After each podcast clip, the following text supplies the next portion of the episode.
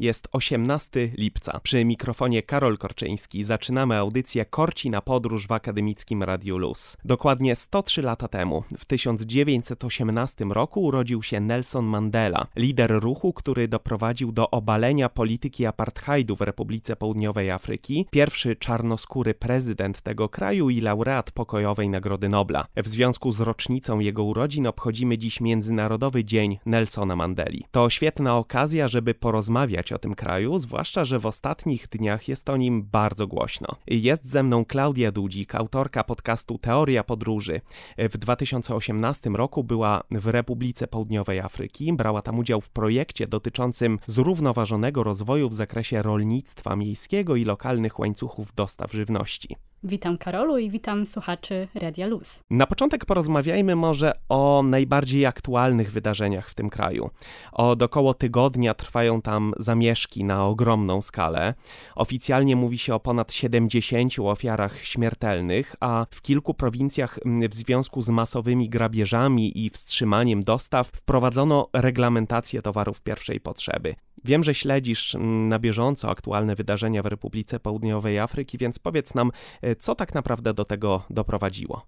Generalnie około tydzień temu został aresztowany były prezydent RPA Zuma z powodów e, korupcyjnych, problemów też gospodarczych i on nie stawił się na swojej rozprawie sądowej i właśnie został przez to aresztowany. I to spowodowało wiele protestów w kraju, chociaż tak naprawdę mówi się, że te protesty są spowodowane bardziej właśnie problemami społecznymi, które tam się pojawiły, związanymi ze złą walką z pandemią koronawirusa oraz brakiem dostępu do podstawowych zasobów. Dużo osób właśnie wyszło na ulicę i skorzystano z jakby tego trochę też pretekstu, jeżeli chodzi o grupy przestępcze, do tego, aby napaść i zrabować sklepy, które znajdują się jakby w, w okolicy i to też powoduje w tym momencie duży problem dla lokalnych społeczności, ponieważ te sklepy, które są właśnie zrujnowane czy zdemolowane, nie mogą funkcjonować dłużej.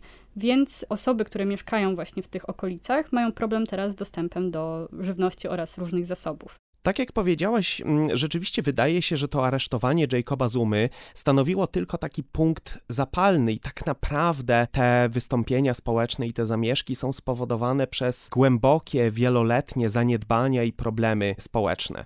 Od końca y, apartheidu w RPA, apartheidu, czyli tej polityki segregacji rasowej, minęło już 27 lat. Czy y, Twoim zdaniem udało się zlikwidować ogromne nierówności społeczne spowodowane przez apartheid? Apartheid i jak teraz wygląda sytuacja społeczna w tym kraju? Na początku chciałabym powiedzieć, że to jest bardzo złożony temat, więc jakby tutaj tak trochę dotkniemy go powierzchownie na tyle, na ile jesteśmy w stanie. Sprawa wygląda w ten sposób, że w latach 50., 60. XX wieku, właśnie podczas apartheidu, nastąpiły przesiedlenia ludności. I jakby jest to jeden z takich głównych elementów, który jest widoczny do tej pory, jeżeli chodzi o właśnie ten podział społeczny, ponieważ właśnie apartheid zakładał segregację rasową ludności, czyli segregowano osoby na czarnoskóre, kolorowe oraz białych. I też była taka rasa honorowa Azjatów, do której przynależeli głównie Koreańczycy oraz Japończycy. Ja podczas pobytu w RPA zajmowałam się głównie jakby tematem Kapsztadu, więc też będę się do niego przede wszystkim odnosić. Jeżeli chodzi właśnie o to, co się działo podczas apartheidu, czyli o ten podział ludności, o tą segregację, to właśnie osoby czarnoskóre oraz osoby kolorowe wysiedlano z centrów miast.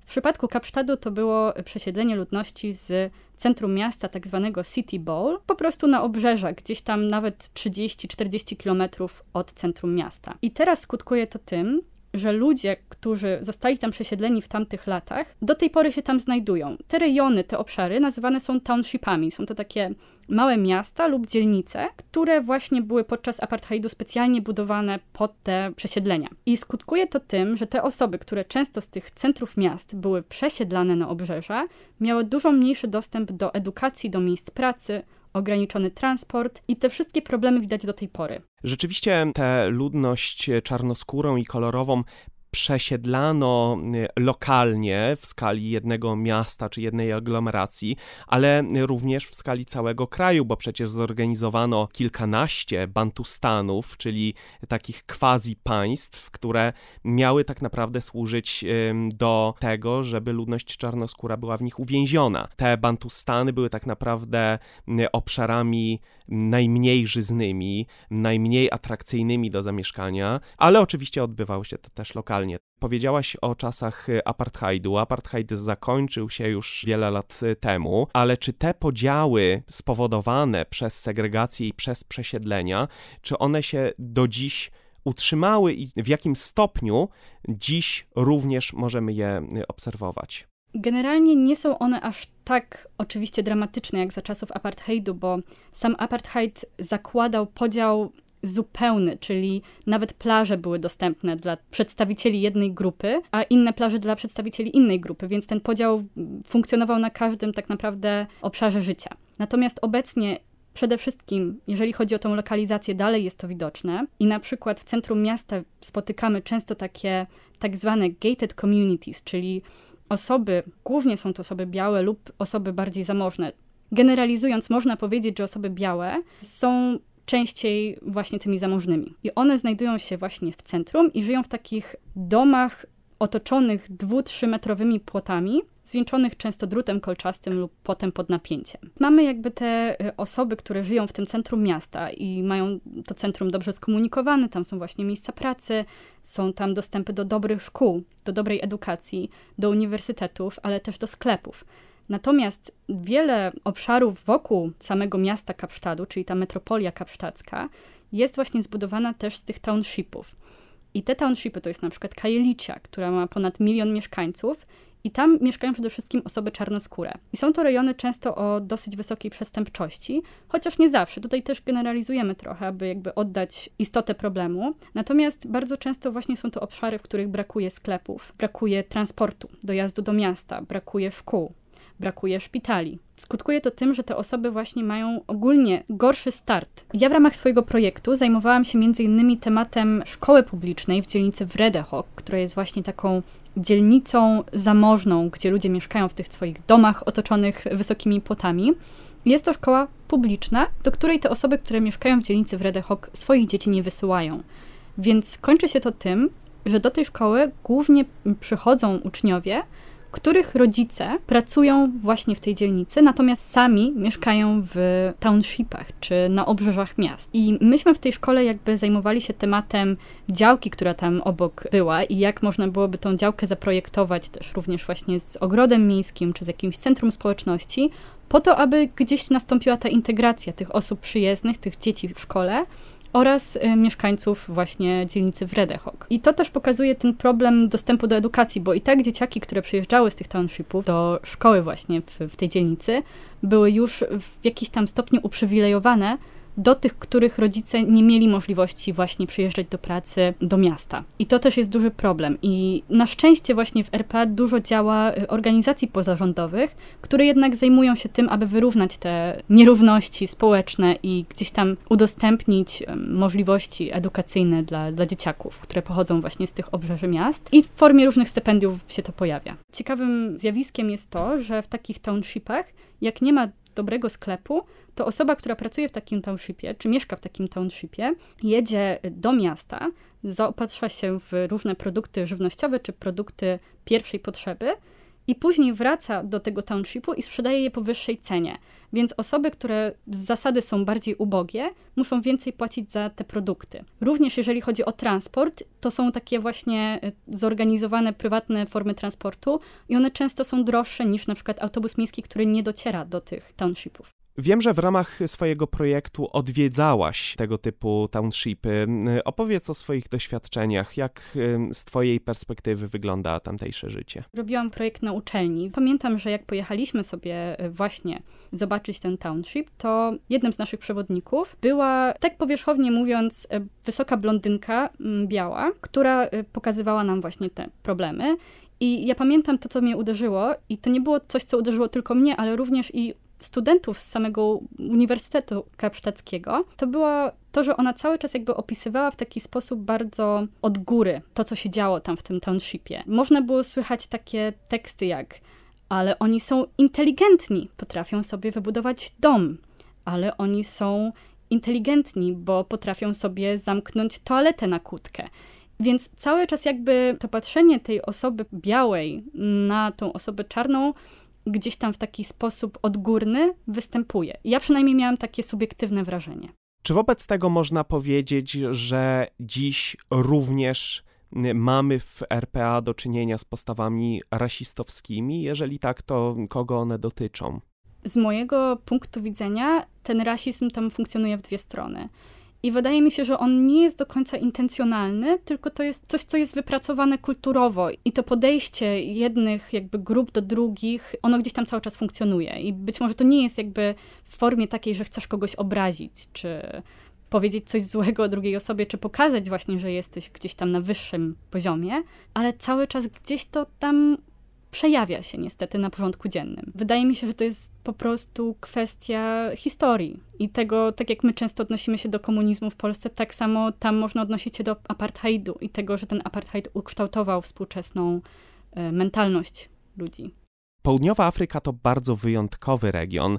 Co Twoim zdaniem warto tam zobaczyć i co ciekawego można tam robić? Republika Południowej Afryki jest rajem dla osób, które kochają przyrodę oraz przygody i wszelkiego rodzaju sporty ekstremalne na przykład, bo możemy tam między innymi skoczyć z jednego z najwyższych, o ile nie najwyższego mostu na bungee. Ja się skupię trochę na tym południowym regionie, czyli zachodniego przylądka, i ten region w ogóle jest jednym z najbardziej bioróżnorodnych regionów na świecie. I możemy tam spotkać niemalże tyle, o ile nie więcej, gatunków endemicznych roślin, co na przykład w całej Australii czy całej Europie. Więc jeżeli porównamy sobie obszar Parku Narodowego do obszaru całego kontynentu, no to jest to niesamowite.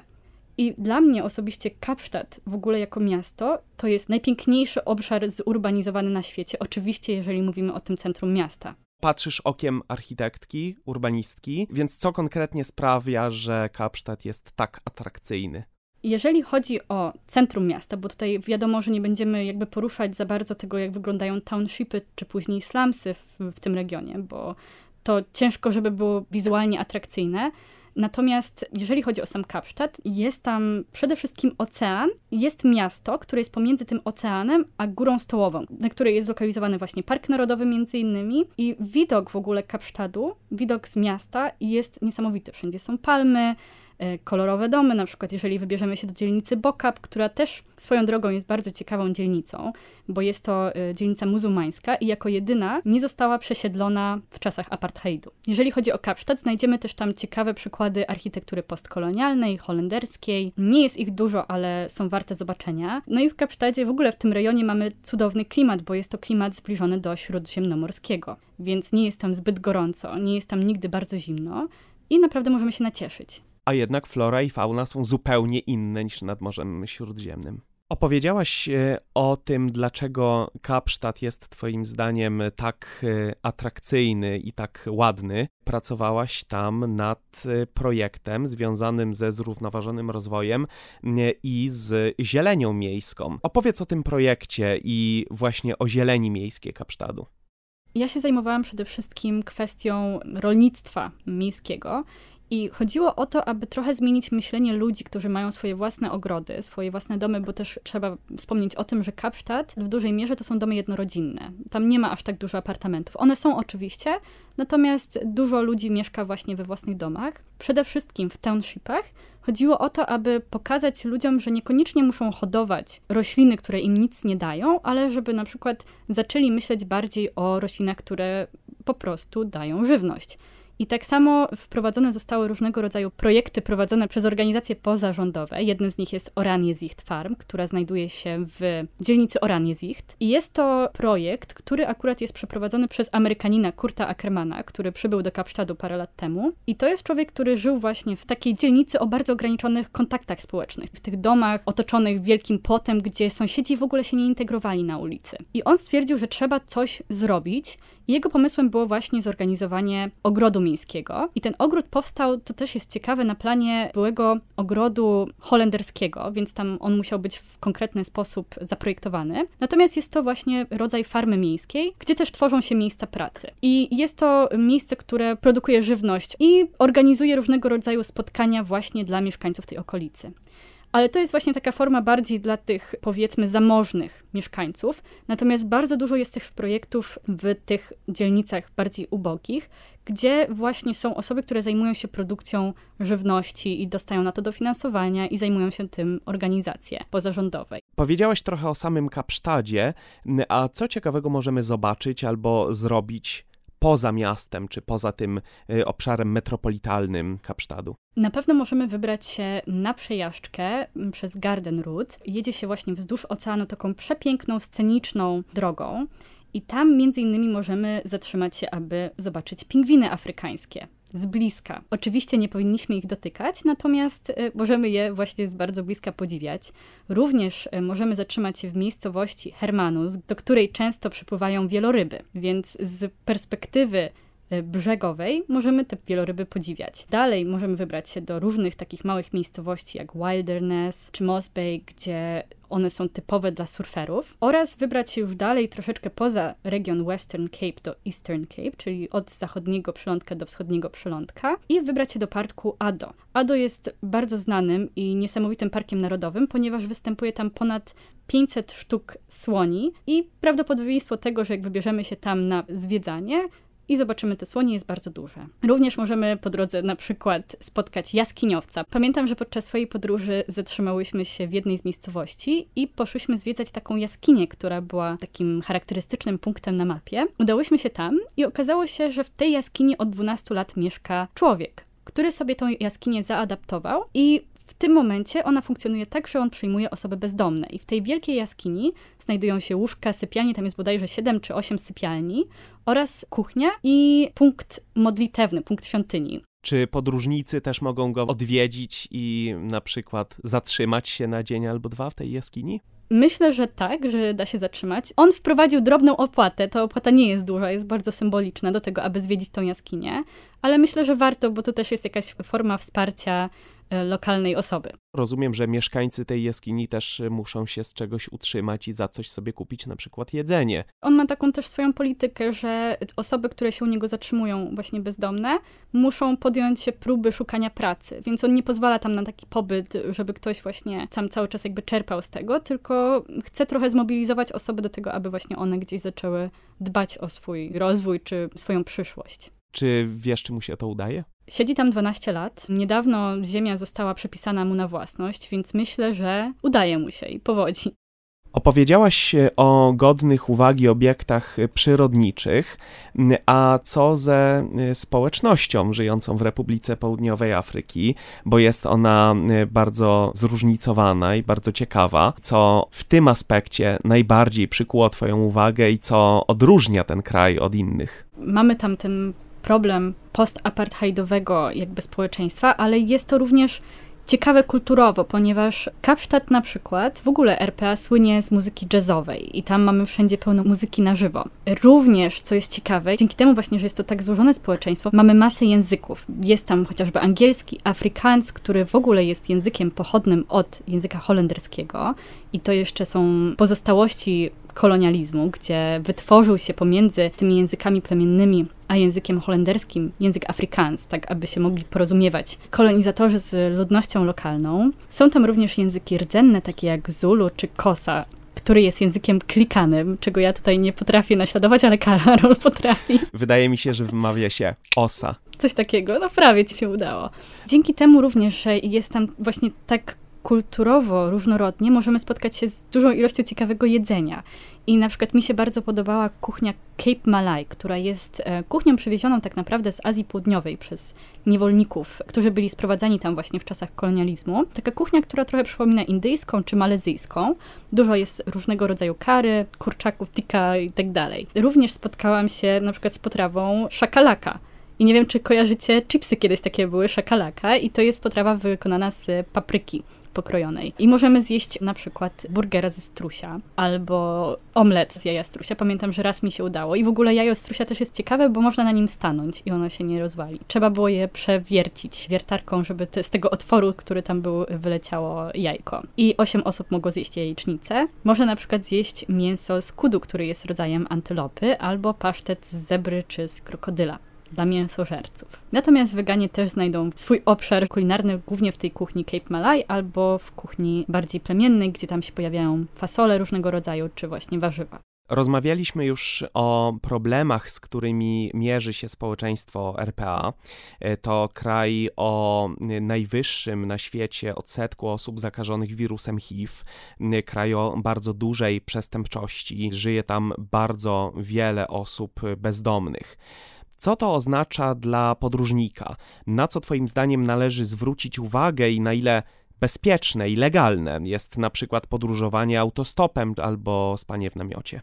Jeżeli chodzi o przestępczość w Kapsztadzie, to faktycznie jest ona na bardzo wysokim poziomie i to taka przestępczość pospolita, czyli kradzieże, napaści. Ja pamiętam, kiedy przyleciałam do Kapsztadu i miałam przejść przez odprawę celną, podszedł do mnie mężczyzna ubrany zupełnie cywilnie i zapytał się mnie, czy podróżuję sama. Oczywiście mi się zapaliła od razu lampka, żeby nie przyznawać się do tego, że podróżuję sama, bo nie jest to rozsądne.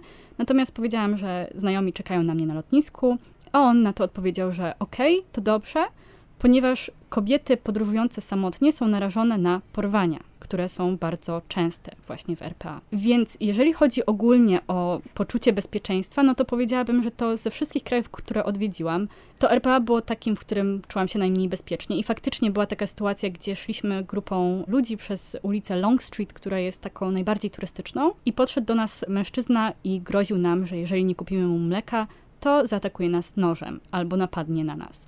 Również podczas jakiejś imprezy na właśnie tym Long Street, bo tam mieszkaliśmy, miałam na sobie nerkę, w której miałam portfel i cały czas na tą nerkę, wiecie, patrzyłam, bo to była chyba jedyna opcja bezpieczna w tym momencie, a były tam tłumy na ulicy. Pamiętam, że ktoś w pewnym momencie właśnie zaczynał mi tą nerkę odpinać. No i musiałam tą rękę po prostu trzasnąć, żeby, żeby uratować swój portfel. Koleżanka z kolei zostawiła kurtkę obok siebie dosłownie na 5 minut i jej telefon zniknął z kieszeni. Generalnie są osoby, które tam pracują i pilnują porządku na ulicy. Są takie budki, te osoby są ubrane w takie zielone kamizelki i one pilnują jakby porządku. Więc jeżeli coś tam faktycznie się na ulicy dzieje, to zawsze można zareagować. Także to nie jest tak, że ktoś tam na nas napadnie w miały dzień.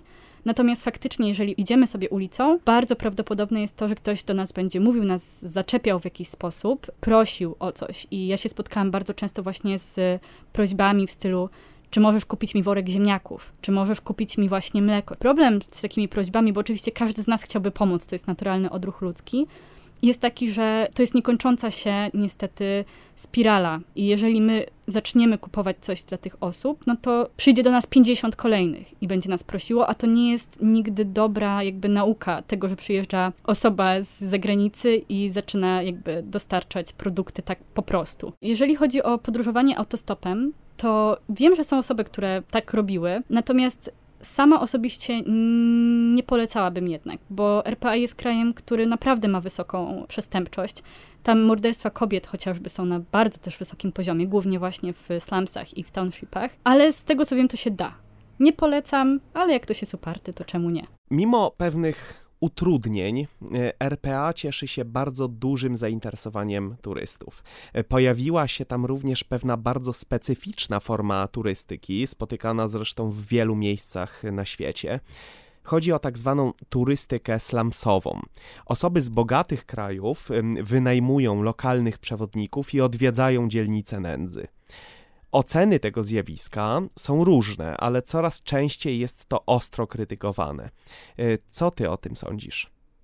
Również jest to bardzo złożony temat i jak każda rzecz, ona ma dwie strony medalu. Ja bym powiedziała, że dużo rzeczy, które robimy w naszym życiu, zależy od naszych intencji i tego, co my chcemy osiągnąć poprzez takie wydarzenie. Jeżeli jedziemy do powiedzmy slumsów i chcemy robić ludziom zdjęcia, czy się na nich popatrzeć i zobaczyć, jak oni żyją po to, aby nasze ego poczuło się lepiej, no to jest absolutnie coś strasznego. Natomiast jeżeli naszą intencją jest to, aby poznać lepiej to, co się dzieje faktycznie, jak te osoby żyją, i jeżeli my mamy środki, oraz wiedzę do tego, aby tym osobom pomóc. Jeżeli na przykład właśnie jedziemy z jakiegoś projektu akademickiego, czy naukowego, czy w formie pracy, po to, aby nauczyć się czegoś, czy zaprzyjaźnić się z mieszkańcami tych okolic, to też jest troszeczkę inaczej. Więc najpierw spójrzmy w lustro i zastanówmy się, czego my tak naprawdę chcemy, a potem podejmijmy tą decyzję, bo jest też ta turystyka slumsowa, jeżeli ona jest w dobry sposób zorganizowana, pewnym środkiem pomocy dla osób, które mieszkają tam lokalnie w formie wynajęcia przewodnika, który tam mieszka. Właśnie mm, wynajęcie lokalnego przewodnika, który będzie nas w stanie oprowadzić w taki sposób, jaki jest ok i jest akceptowany przez tą społeczność, która tam mieszka, to faktycznie jest to ok. Wspomniałaś mm, o reakcjach lokalnych mieszkańców, i mm, one są bardzo często rzeczywiście negatywne. Oni y, sami mówią o tym, że kiedy są fotografowani przez tych turystów, bardzo często bez y, zgody, to czują się traktowani przedmiotowo czują się traktowani jako atrakcja turystyczna i jako ludzie niższej kategorii. I to jest jeden z głównych powodów do krytyki tej formy turystyki.